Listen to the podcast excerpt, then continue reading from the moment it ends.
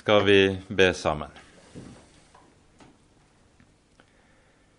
Kjære gode Herre og trofaste Far. Så takker og lover vi deg at vi skal få komme frem for ditt ansikt og påkalle deg som Far. Takk, Herre, at du er en trofast far som vet hva dine barn trenger. Takk, Herre, at du har gitt oss barnekår hos deg i din elskede Sønn, slik at vi skal få lov til å ha arverett og få lov til å være frie i evangeliet. Kjære gode Gud og Far, nå ber vi også at du vil sende oss din Hellige Ånd, at vi må få ha lys i dine ord til frelse. Herre, send din ånd og bygg oss opp for ditt ansikt, slik du hadde tenkt det. Det ber vi i Jesu navn, og takker og lover deg, Herre, fordi du er god, og din miskunnhet varer til evig tid. Amen.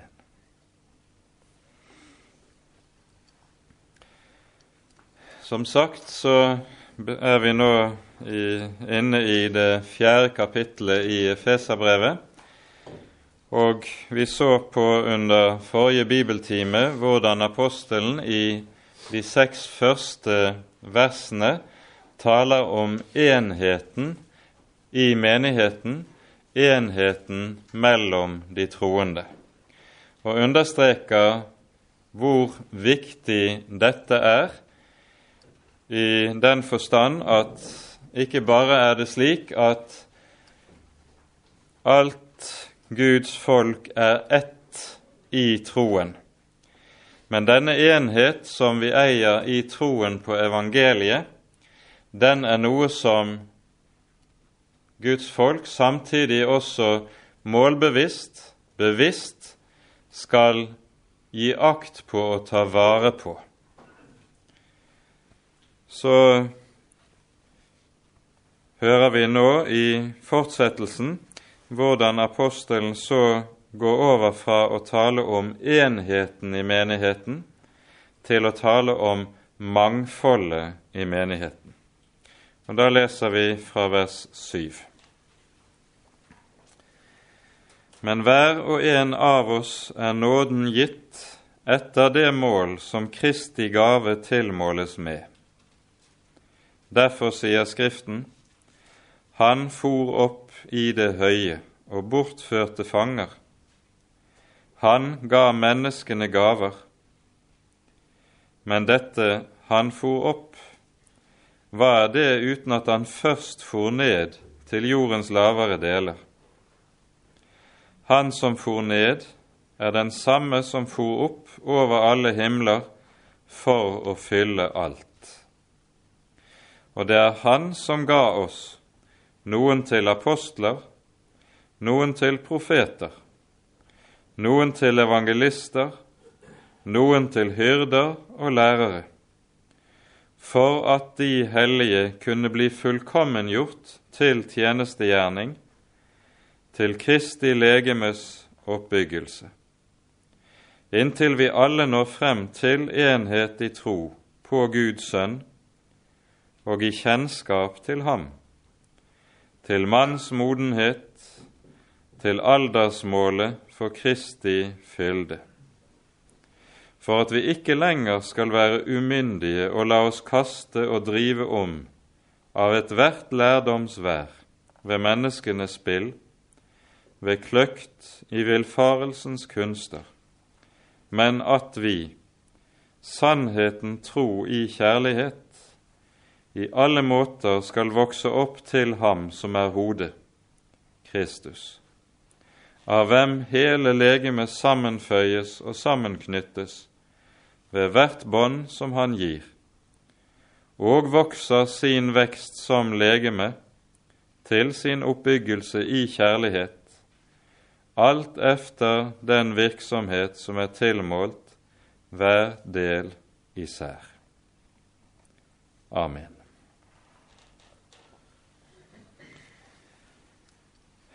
Som sagt så er det altså slik at apostelen her går over fra å tale om enheten i Guds folk til mangfoldet, idet han nå begynner å tale om nådegavene i menigheten.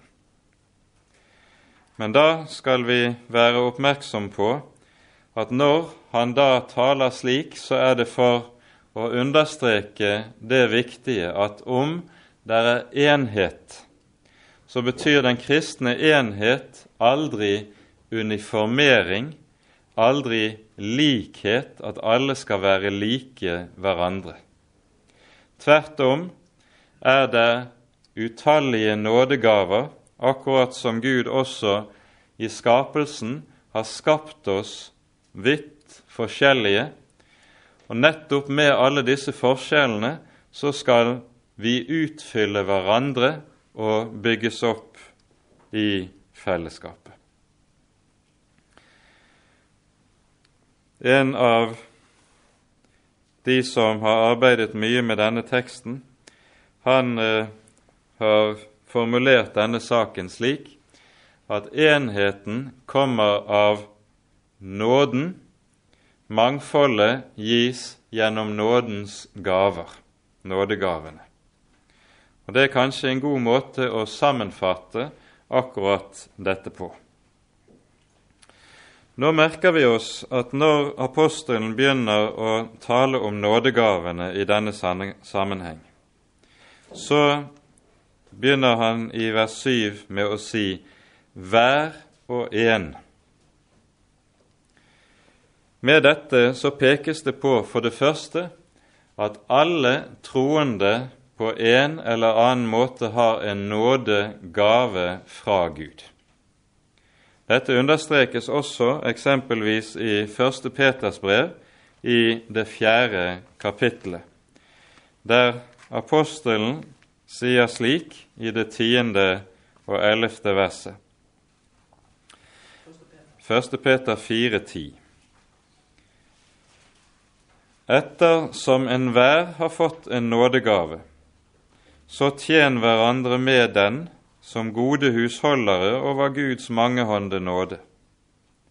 Om noen taler, han taler som Guds ord.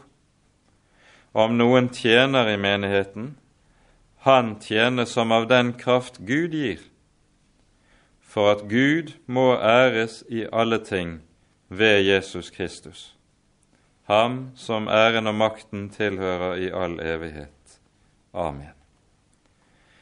Vi legger altså merke til at også her sies det ettersom enhver har fått en nådegave. Det som er bakgrunnen for dette, er det som Skriften sier om det allmenne prestedømmet. Og med det mener Det er jo det apostelen Peter f.eks.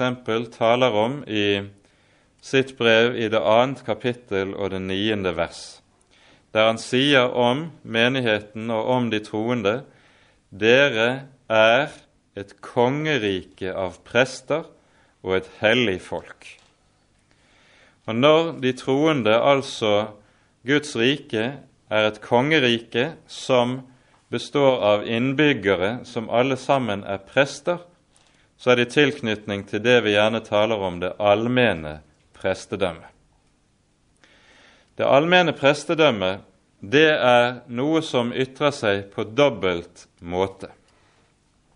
For det første i det at når de troende alle sammen kalles for prester, så er det Det gamle testamentets begrep for prest som ligger bakom. Og Det som kjennetegnet den gammeltestamentlige presten, var to hovedsaker. Han var for det første den som ofret på folkets vegne til Gud. Og som den som var innsatt for å ofre til Gud, så hadde han også adgang til Gud i helligdommen. Dette innebar at når den vanlige mann i Det gamle testamentet skulle ha med Gud å gjøre, så måtte han gå gjennom presten som mellommann. Fordi det var kun presten som hadde adgang til Gud, og som skulle ofre. I denne sammenheng er det jo slik at når den nye pakt blir innstiftet, da er det Jesus som er mellommannen. Og ved ham har vi adgang til Gud, og derfor er Jesus vår øverste prest, mens vi alle sammen er prester for Gud, dvs. Si slike som har adgang inn for Guds ansikt uten å behøve noen menneskelig mellommann. Slik det altså var i den gamle pakt. At vi er prester, det betyr da også at når vi trer frem for Gud, så trer vi frem for, som, som, for ham som de som også bærer frem offer. Og Her er det at Det gamle testamentet da taler om to slags offer. For det første tales det om de offer som har sonende betydning. Og for det andre tales det om de offer som er ikke har sonende betydning, men altså er takkoffer og kalles fredsoffer eller samfunnsoffer også i Bibelen. Og Da skjønner vi også at når vi er slike som er prester for Gud, så vi, er vi ikke slike som bærer frem noe sonoffer. Det offeret bar Jesus frem, og det er båret frem én gang for alle. Det er fullbrakt, det trenger ikke å suppleres av oss på noe vis. Men den offertjeneste vi øver for Gud, den består i at vi bærer frem for ham takkoffer. Slik at den troendes liv består nettopp i det å være et takkoffer for Gud. Dette tales det om i Hebreabrevet i det 13. kapittelet.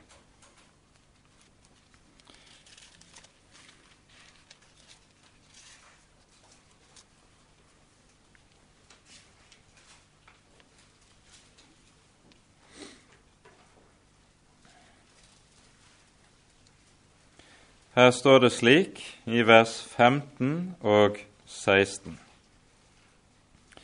La oss da ved ham alltid frembære lovoffer for Gud. Det er frukt av leber som lover Hans navn. Men glem ikke å gjøre godt og å dele med andre, for slike offer tekkes Gud. Her hører vi altså at det er to slags takkoffer det alminnelige prestedømmet frembærer for Gud. For det første er det det som kalles for lovoffer.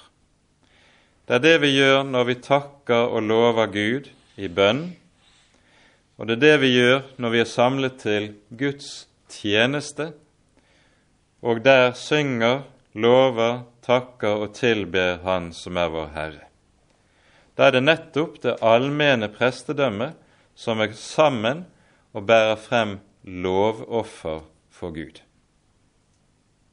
Det er det første. Og så nevnes det her også det å gi og dele med, av det vi har, med vår neste. Det kalles også et offer for Gud. Og Dermed er vi fremme ved den annen side ved det som er prestenes tjeneste i det allmenne prestedømmet. Det er nemlig tjenesten for nesten. Det er noe som skjer i menighetens forsamling, og det er over, noe som skjer overfor vår neste i hverdagen, i det liv vi lever her i verden. Der er det også slik at det liv jeg lever her i verden, det skal også ses på under denne sinnsvinkel at det er en offertjeneste for Gud, der det jeg har og det jeg gjør, først og fremst er til beste for og til tjeneste for min neste. Og Slik er det at det allmenne prestedømmes offertjeneste retter seg i to retninger, både mot Gud, lov og takkoffer, og mot nesten i det vi gjør godt mot vår neste. Og det, gjelder, det er nettopp når det gjelder det siste som vi taler om, og ikke minst når det taler om tjenesten i menigheten, at det kommer inn, som apostelen her taler om når han taler om nådegavene. Vi leste hver og en av oss. Det gjelder altså om hvert kristent menneske at han er, eller hun, er prest for Gud, og altså av Gud har fått nåde til å gjøre sin gjerning der hvor han eller hun er satt. Dette kan vi altså kalle for til forskjell fra rettferdiggjørelsens nåde, som setter oss i det rette forholdet til Gud, så kan vi kalle dette for helliggjørelsens nåde, som virker slik at vi kan tjene Herren og tjene vår neste med nådegavene, og ganske særlig da i menighetens forsamling. Og så ble det sagt hver og en av oss er nåden gitt etter det mål som Kristi gave tilmåles med. Vi får altså nåden gitt etter et bestemt mål. Og hva er det mål som gaven eller nåden tilmåles efter? Nåden tilmåles slik at vi har det vi trenger for å gjøre Guds gjerning der vi er satt. Det er målet. Og Det er viktig å være klar over, for dermed skal vi også vite at nettopp der hvor Herren har plassert meg, der har Han også gitt meg mitt kall, og så er det å gjøre og leve i dette kall, det er å leve i Guds gjerning med mitt liv. Og så har Han som er Herre lovet at jeg skal få ha, få all den nåde jeg behøver for å kunne gjøre Hans gjerning i det eller der hvor jeg er satt. Dette er det apostelen er inne på i andre Korinterbrev, i det niende kapittelet.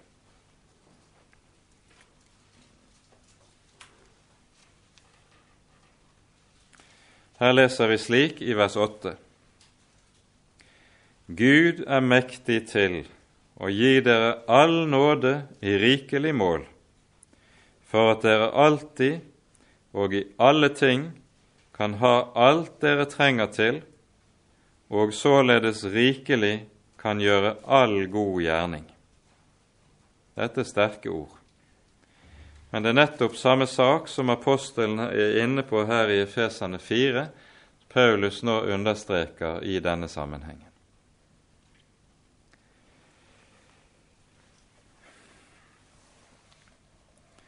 Og så kommer Paulus med dette som utgangspunkt med en underlig skrifthenvisning. I vers 8 hører vi han siterer fra den 68. salmen. Derfor sier Skriften:" Han for opp i det høye, bortførte fanger og ga menneskene gaver. Det er mange som har undret seg over denne, dette skriftsitatet. For når vi leser i våre oversettelser fra Salme 68, så står det noe annerledes der. Der står det nemlig 'Han for opp i det høye, bortførte fanger og tok gaver blant menneskenes barn'. Altså ikke han ga gaver, men han tok gaver. Og en har lurt, seg, lurt svært på hvorfor Paulus oversetter slik. Men det som da viser seg, er at man finner to meget gamle oversettelser av Det gamle testamentet som nettopp oversetter slik som Paulus her gjør. Annet den oversettelsen som ble brukt når en skulle lese i synagogen for de som ikke forsto hebraisk, og hvor man altså da leste på aramaisk. Den omsatte nettopp slik som vi her hører. Så Paulus siterer rett og slett en av de oversettelser som var i omløp den gang. Selve den hebraiske teksten som ligger bak, den kan nemlig oversettes på begge måter. Derfor skal vi være klar over dette. Nå vel. Det som Paulus med dette understreker, og det skal vi legge merke til, er at når han nå taler om Kristi opphøyelse Det er jo Jesu himmelfart det her er tale om, og så har vi en parentes i vers 9 om Kristi fornedrelse som gikk forut for himmelfarten. Da er det slik i Det nye testamentet at Kristi opphøyelse den er bundet uløselig sammen med utgytelsen av Den hellige ånd. Dette sies uttrykkelig av Peter i hans tale på pinsedag i apostelgjerningene 2. Og vi tar oss tid til å lese derfra. I apostelgjerningene 2, vers 33, står det slik.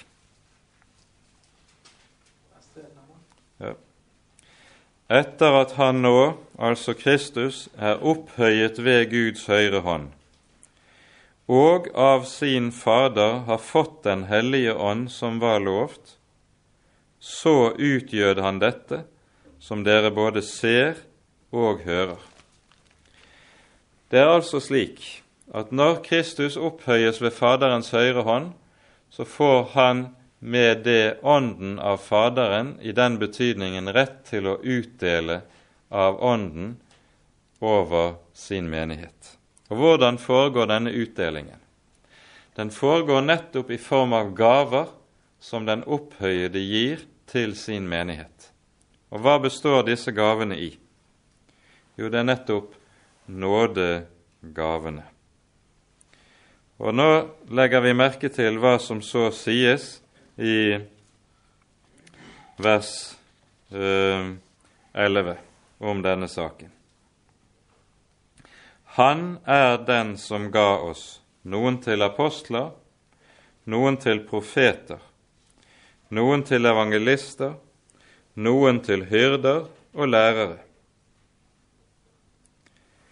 Her finner vi altså en liste over nådegaver eller tjenester i den kristne menighet som teller fire eller fem åndens gaver. Og dette er Kristi avskjedsgaver til sitt folk. Når han opphøyes, så sendes i hans sted Ånden til jord. Og Ånden kommer da med gavene til menigheten. Og hva, hvilke gaver er det her som omtales først og fremst? Jo, det er de gaver som kommer til uttrykk i tjenesten med Herrens ord.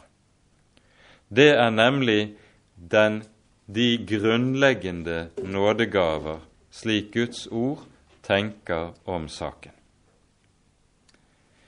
Nå er det slik at i Det nye testamentet finner vi en rekke ulike lister med nådegaver.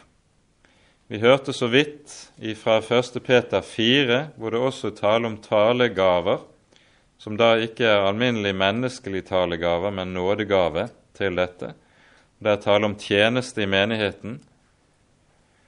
I Romerbrevet hører vi også i kapittel 12 om en rekke ulike gaver til tjeneste i menigheten, og så har vi første Korinterbrev 12. Og Det som vi da ser i alle disse nådegavelistene, er at de varierer sterkt. Det er ikke de samme gavene som regnes opp i de ulike listene, med unntak av det vi hører her i Efesane 4. De grunnleggende gavene som her nevnes i Efesane 4, de nevnes eh, Eller flere av dem nevnes i alle nådegavelistene. Mens det avsnitt som man jo har vært så sterkt opptatt av i de siste 30-40 årenes karismatiske vekkelse, hvor det er 1. Korinterbrev 12. kapittel, der det taler om Åndens gaver, og vi hører om de ekstraordinære nådegavene særlig. Der er det slik at de ekstraordinære nådegavene det er noe som omtales kun i Korinterbrevet, ikke i noen av de andre nådegavelistene. Det er interessant, en interessant kjensgjerning som er vel verd å merke seg. For slik som også kirkefedrene skriver om denne sak, så er det helt tydelig at for det første den nådegaven som man er så veldig opptatt av innen deler av karismatikken, nemlig tungetalen, så var det slik i Oldkirken at tungetalegaven ser ut til kun å ha vært til stede i menigheten i Korint. Den var ukjent i alle de andre menighetene, slik eh, kirkefedrene omtaler dette. Og 50 år etter, eller 60 år etter at første Korinterbrev er sendt, så finnes heller ikke tungetalegaven i Korint.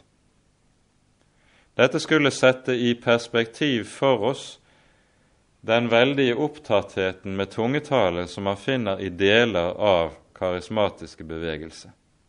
Den første kristne menighet, der fantes den kun i én by, og der var den også relativt tidlig borte. Rett og slett fordi den ble regnet som en uviktig nådegave i sammenligning med flere av de andre nådegavene. De grunnleggende nådegaver, hovednådegavene, det er de som her listes opp i Efeserbrevet. Og det er altså nådegaver som handler om én hovedsak, nemlig tjenesten med Guds ord. Det er det grunnleggende nådegaver. Og slik er, er, er det og må det være, fordi Herrens menighet her på jord den er bygget på Herrens ord. Og Derfor er tjenesten med forkynnelsen av Guds ord det som også den kristne menighet står og faller med her i verden. Der forkynnelsen blir gal, der skades den kristne menighet. Og den kan skades så alvorlig at den får ulivsår. Der forkynnelsen er sann og i samsvar med Guds ord, der vil det alltid bevares sunt og sant Åndens liv i menigheten her på jord.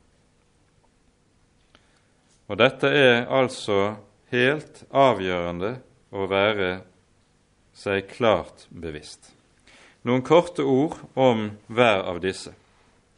For det første, når det taler om at han ga oss noen til apostler, så har det jo vært noe man har hørt med jevne mellomrom de siste hundrede årene, så har det dukket opp bevegelser som hevdet at det var avgjørende for den kristne menighet at man på ny fikk apostler i, i dag.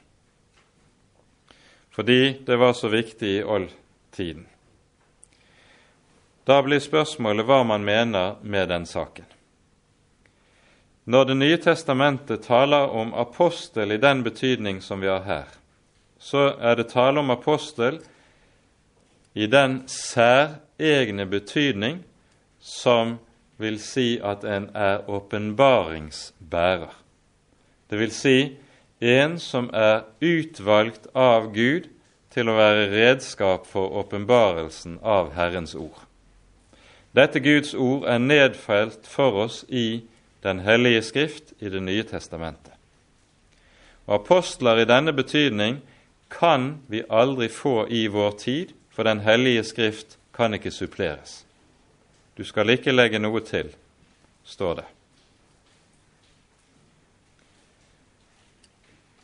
Derfor vi har apostlene, men apostlene har vi imellom oss ikke som levende individer, men vi har dem ved det ord som er oss gitt i de hellige skrifter. Derfor har vi på sett og vis fortsatt apostlene mellom oss, og noen annen aposteltjeneste i den kristne menighet vil vi heller ikke vite av.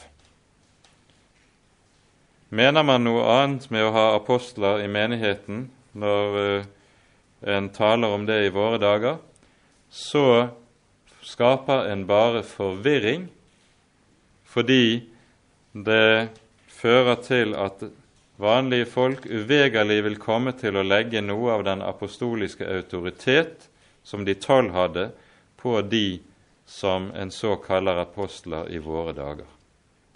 Det leder til forvirring i Guds folk. Og Derfor bør en holde seg langt borte fra den slags. Det neste som nevnes, er profeter. Dette var vi inne på tidligere i forbindelse med det annet kapittel og det tredje kapittel her i Efeserbrevet. Og vi nevner i all korthet at vi altså også finner tale om nytestamentlig profeti. Og da er det ikke tale om å være profeter i samme betydning som Det gamle testamentets profeter er det, men det taler om en forkynnelse av Guds ord, dvs. Si av det gitte Guds ord, som på en særskilt måte kaster lys både over den tid vi lever i, og evner å ramme menneskene i hjertene og avsløre hjertets tanker og råd. Det er den profetiske tale i den kristne menighet. Profetisk tale i den betydning som vi møter det i Det gamle testamentet, når Gud kommer og åpenbarer sitt ord gjennom å si 'Så sier Herren', og han taler i jeg-person gjennom profetene. Profetisk tale i den betydning har vi ikke og skal vi heller ikke ha i den kristne menighet. Dette er også noe som kun leder til forvirring der den slags skjer. Så hører vi om evangelister. Det er en tjeneste som vi har klare paralleller til i våre dagers omreisende forkynnertjeneste, enten det er nå, nå gjelder de som reiser omkring i vårt eget land, eller vi taler om de som reiser ut, og som da får tittelen misjonær. Det dekkes også av tittelen evangelist i Det nye testamentet. Det siste som nevnes her, det er hyrder og lærere. Og Her står dette i grunnteksten på, uttrykt på en sånn måte at antagelig mener apostelen en og samme tjeneste med disse to begrepene. Hyrde og lære tjenesten i Guds ord, det er det som ellers i Det nye testamentet kalles for eldstetjenesten eller embetet, eller som vi kaller det for på norsk. Det, på gresk er det jo presbyter, som er eldste, og når det fornorskes, så får vi prest hos oss.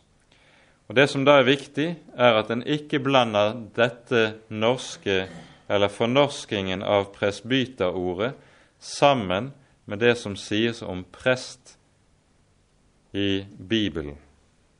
Det allmenne prestedømmet som vi var inne på, der brukes det et helt annet ord i grunnteksten. Og disse to sakene må ikke blandes sammen. Hyrde og lære embetet, eller tjenesten, det er noe som er knyttet til lokalmenigheten. Og Dette ser vi flere steder i Det nye testamentet. Vi kan slå opp f.eks. i apostelgjerningene i det 14. kapittel.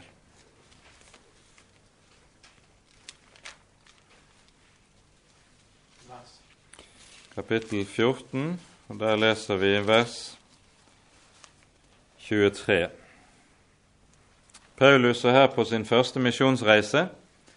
Han eh, har eh, etter å ha fullført reisen, så snur han og reiser tilbake motsatt vei, eh, eller samme vei som han kom.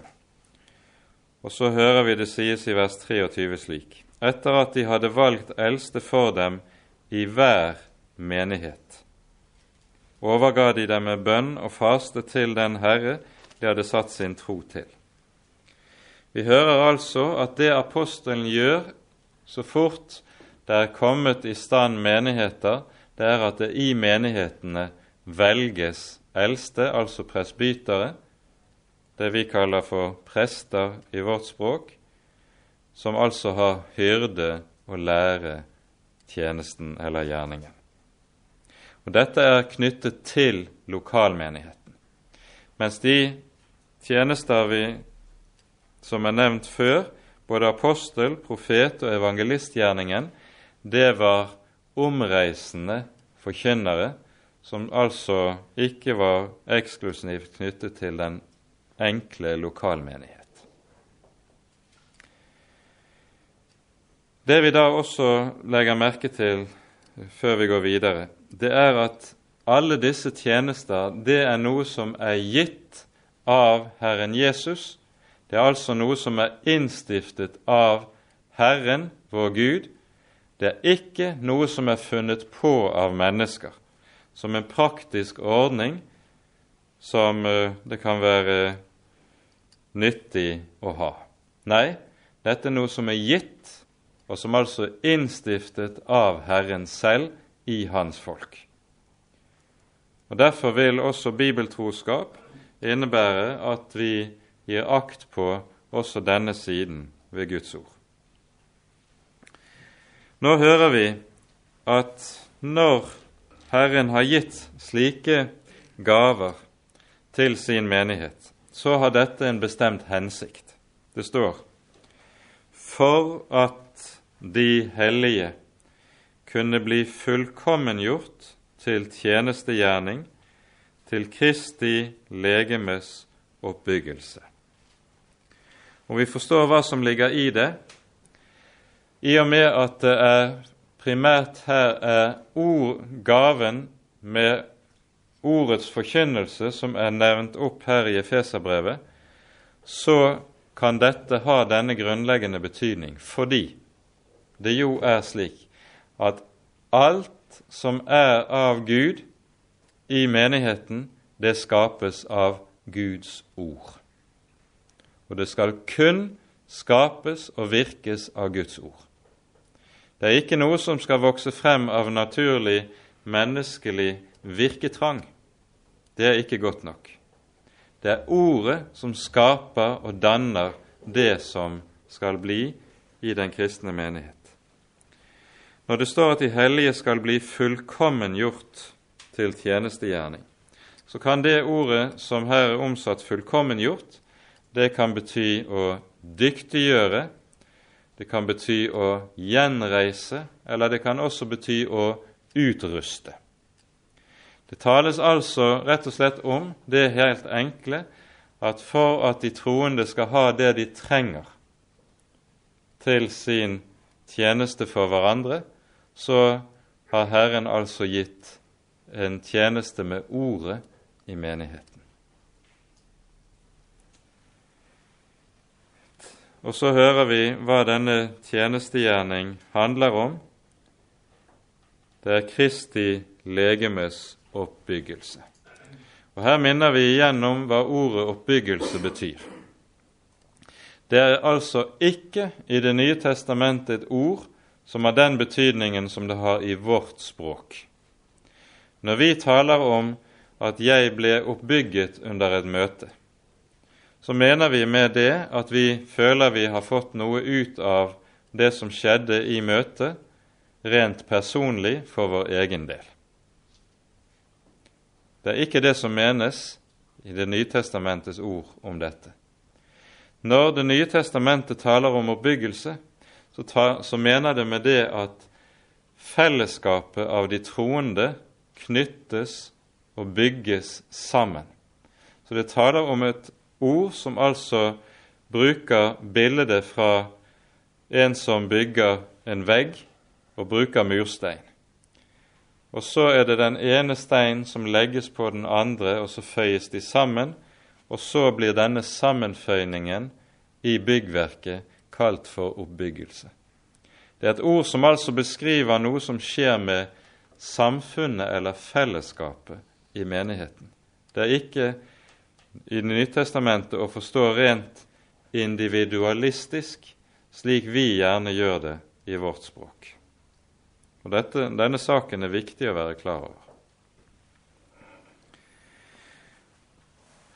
Denne oppbyggelsen skal ha, igjen ha et mål. Det leser vi i vers 13. Det står inntil vi alle når frem til enhet i tro på Guds sønn og i kjennskap til ham, til manns modenhet og til aldersmålet for Kristi fylde. Her er det tydelig at for det første Liksom apostelen ved innledningen av kapittelet talte om enheten mellom de troende, som noe som er gitt i og med budskapet om hva vi eier i Jesus, så er denne enhet samtidig noe som også er et mål. Den er altså så å si både noe som står der i begynnelsen, samtidig som det er et mål for den åndelige vekst i menigheten. Vi, og Den enhet det taler om, legger vi også merke til. Det taler om enhet i troen. Det taler om enhet i tro på Guds sønn.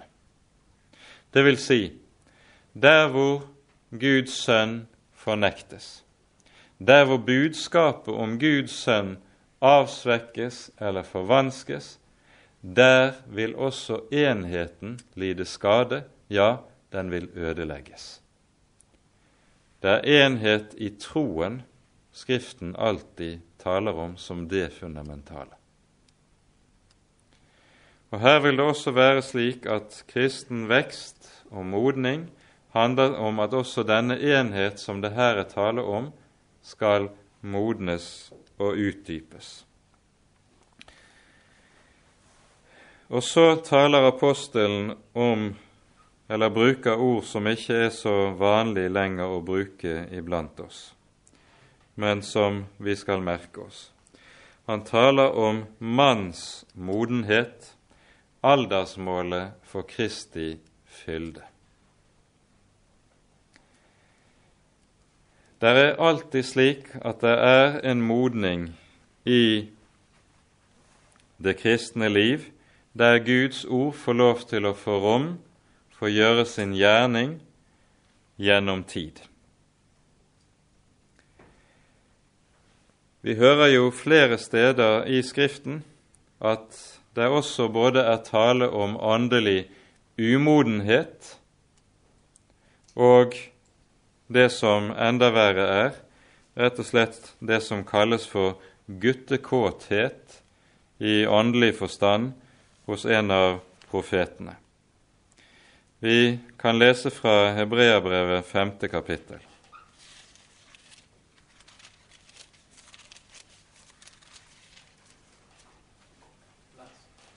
Vi leser Hebreerne 5 fra vers 11.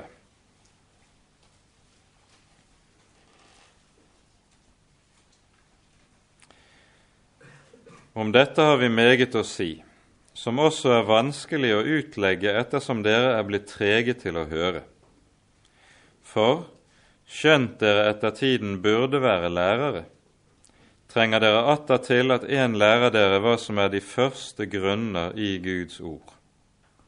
Og dere er blitt slike som trenger til melk, ikke fast føde. For hver den som får melk, er ukyndig i rettferdsord, for han er jo et barn. Men fast føde er for voksne, for dem som ved bruken har sine sanser oppøvet til å skille mellom godt og ondt. Vi hører altså her apostelen klart skille mellom den åndelige umodenhet, som altså bare er i stand til å ta imot åndelig melk, og så er det tale om en åndelig modenhet som tar imot fastføde. Og det er klart, ut fra det vi hører her i Efesane 4, målsettingen for at Herren gir sitt folk gavene. Det er at menigheten nettopp skal vokse til manns modenhet i Kristus. Vi kunne i denne sammenheng også eksempelvis peke på det Paulus skriver til menigheten i Korint. I eh, det tredje kapittel er han nemlig inne på noe av samme saken som vi hører om i Hebreane 5. Første Korinterbrev, kapittel 3, vers 1-3.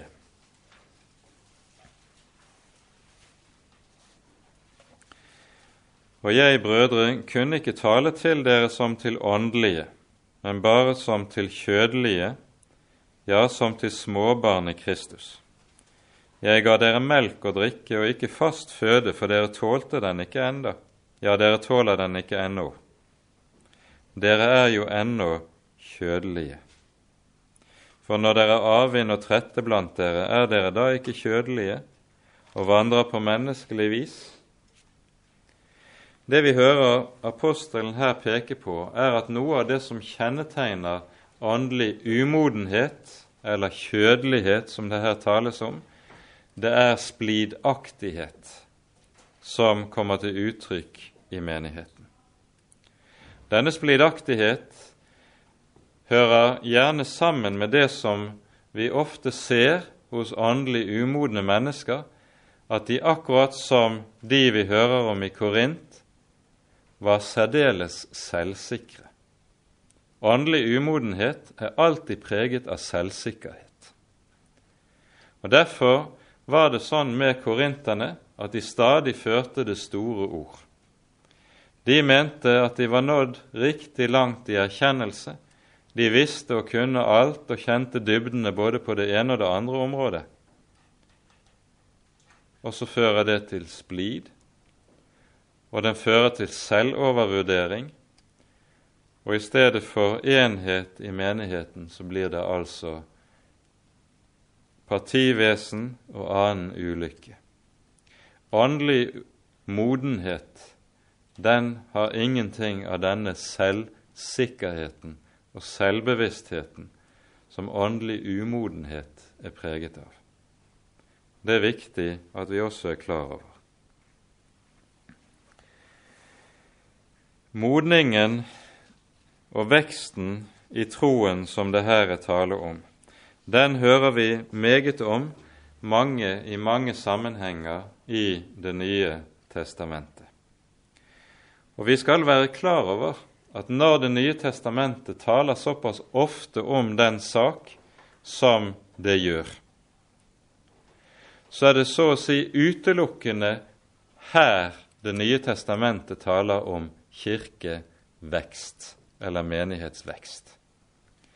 Kirkevekst i nytestamentlig forstand, det er noe kvalitativt som skjer i menighetens liv idet en vokser i troen, modnes i troen. Det er ikke tale om noe kvantitativt. Apostelen er overhodet ikke opptatt av antallet som strømmer til menighetens møter og gudstjenester. Han kommer aldri inn på spørsmålet i det hele tatt. Og Da kunne det være grunn til å spørre hvorfor er vi så fiksert på den slags i våre dager? For den vekst som apostelen stadig taler om, det er det vi kanskje kan få lov til å kalle altså en kvalitativ vekst i troen og i åndelig modenhet blant de troende. Det er det som ligger i blikkfeltet i Det nye testamentet. Og Det er viktig å merke oss. Vi kan peke på et par steder som taler om denne sak. Et av hovedordene her er 2. Peters brev, tredje kapittel, siste versene.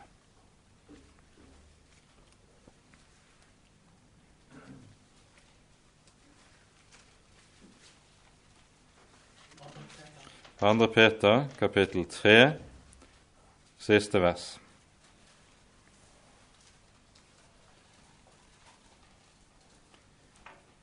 Men voks i nåde og kjennskap til vår Herre og Frelser Jesus Kristus. Ham være æren både nå og til evig tid. Det taler om å vokse i nåden, og vokse i kjennskap til Herren Jesus. Det er den sanne vekst blant Guds folk. Vi kan også minne om det som står i Kolosserbrevet i det første kapittelet i denne sammenheng.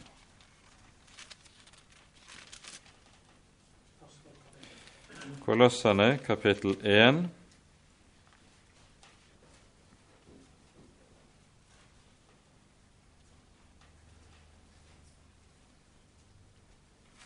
Vi leser vers 9 og 10. Derfor holder vi fra den dag vi hørte det, ikke opp med å gjøre bønn for dere, og be om at dere må fylles med kunnskap om Hans vilje, i all åndelig visdom og forstand, så dere kan vandre verdig for Herren, til velbehag i alt, så dere bærer frukt og vokser i all god gjerning, ved kunnskapen om Gud.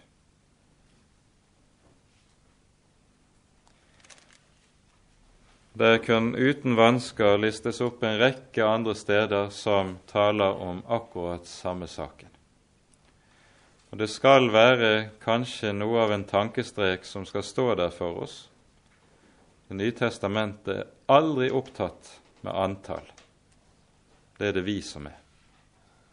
Det er det gamle mennesket som er opptatt med antall. Det nye testamentet legger ikke bredt på det i det hele tatt. Saken er jo at Jesus legger så lite vekt på antall at han kan legge opp hele sin undervisning og sin forkynnelse slik at alle som hører den, støtes bort. Det er det vi hører om i Johannes 6. Jesus har mettes 5000, og folket vil gjøre ham til konge. Han trekker seg tilbake. Og når de dagen etter treffer på Jesus og gir seg i samtale med ham, så gir han dem en undervisning som til slutt fører til at samtlige vender ham ryggen. Fra den store suksess med 5000 omkring seg til de tomme hus og saler. Og så må Jesus til slutt spørre vil også dere gå bort, spør han de tolv. Der var det noen som hadde fått sans i det de har fått se det som betød mer enn alt annet. Herre, til hvem skulle vi gå? svarte Peter. Du har jo det evige livs ord, og vi tror og vi vet at du er Guds hellige. Det var én ting de ikke kunne klare seg foruten, og det var Jesus selv om de ikke forsto det han forkynte, selv om det var så utrolig mye hos dem som enda ikke, så å si, var kommet under Jesu stell. Så visste de dog, midt i all sin skrøpelighet og ufullkommenhet, at for all den ting jeg visste, kan jeg ei min Jesus miste det var de som ble hos ham.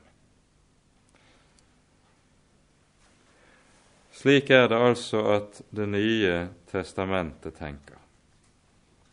Denne vekst som vi her er inne på, den har alltid en bestemt frukt eller virkning. Og det er det vi hører i vers 14, hvor Paulus skriver slik.: For at vi ikke lenger skal være umyndige og la oss kaste og drive om av ethvert lærdomsvær, ved menneskenes spill, ved kløkt i villfarelsens kunster.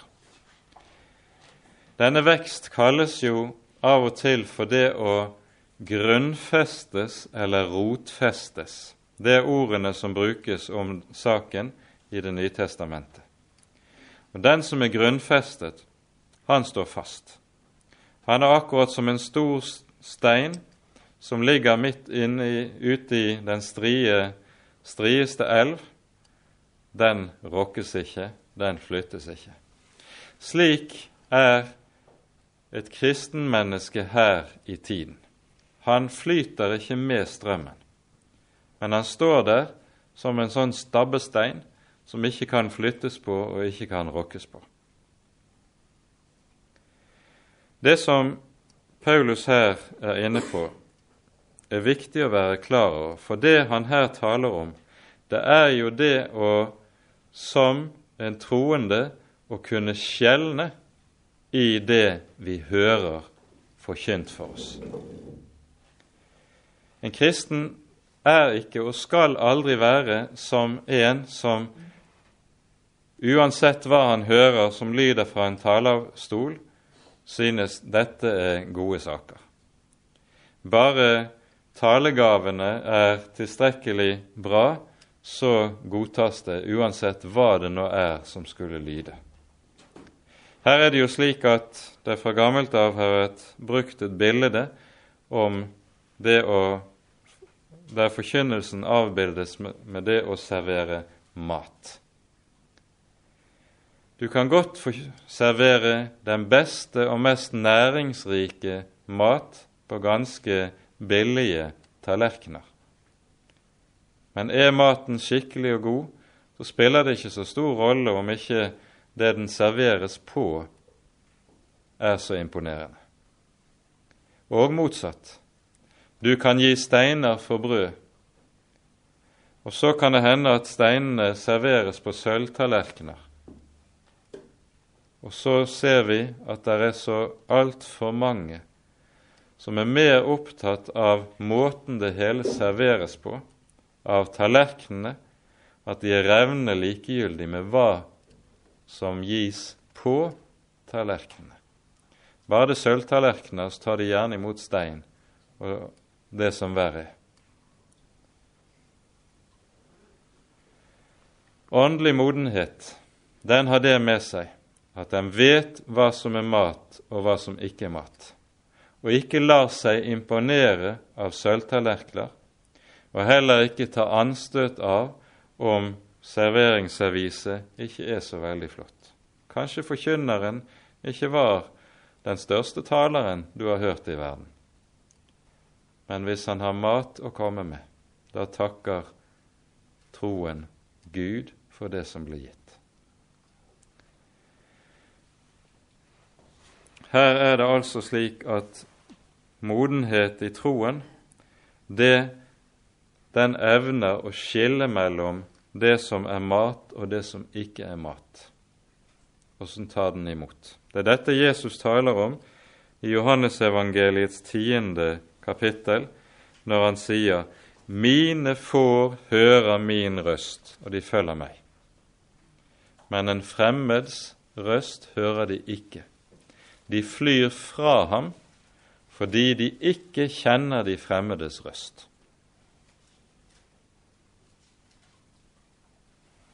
Mine får hører min røst. Det er saken. Og så lyder det videre. Det at en slik får åndelig sans til å skille og skjelne mellom hva som er godt og som er av Gud, og hva som ikke er av ham, det fører og skal ikke føre med seg en hår og kald rettroenhet, men til det som sies her i vers 15, som er noe av målet på sann kristen modenhet. Det står 'men at vi sannheten tro i kjærlighet', i alle måter skal vokse opp til ham som er hodet, Kristus. Ofte er det jo slik at disse to hovedsaker spilles ut mot hverandre sannhet og kjærlighet. Slik kan du ofte høre at de som forkynner troens sannhet, slik den står og lyder i Guds ord, de kan bli beskyldt for å være ukjærlige. De er gjerne dømmesyke av både det ene og det andre. Og motsatt, de som taler meget om kjærlighet, men ikke så veldig mye om troens sannhet, de får gjerne vitnesbyrd om at der er det mye kjærlighet i gården. Men det som altså er målet, og noe som eller det kristne ideal i denne sammenheng, er at vi bevarer både kjærligheten og sannheten. Slik at vi står fast i sannheten, ikke korter av på den, ikke går på akkord eller på kompromiss med sannheten, men at det skal skje på det vis at det alltid skjer i kjærlighet, ikke med hårhendt og kald rettroenhet. Slik vokser vi opp til Ham som er hodet, Kristus, av hvem hele legemet sammenføyes og sammenknyttes, ved hvert bånd Han gir, og vokser sin vekst som legeme til sin oppbyggelse i kjærligheten, alt etter den virksomhet som er tilmålt hver del især. Og så er han tilbake der han begynte i vers 7, der det var tale om hver og en. For her er det tale om noe som gjelder alle troende i menigheten, som vi tar del med hverandre i. Noen er satt til å ha den ene tjenestegjerning, andre den andre gjerning. Men som fellesskap er vi da Kristi legeme. Og legeme er jo kjennetegnet av det at hvert enkelt lem tjener helheten, ikke seg selv. Og med det tror jeg vi setter sluttstrek nå, og så får vi eventuelt tale mer sammen etterpå om det er spørsmål. Ære være Faderen og Sønnen og Den hellige ånd, som var og er og være skal en sann Gud, høylovet i evighet. Amen.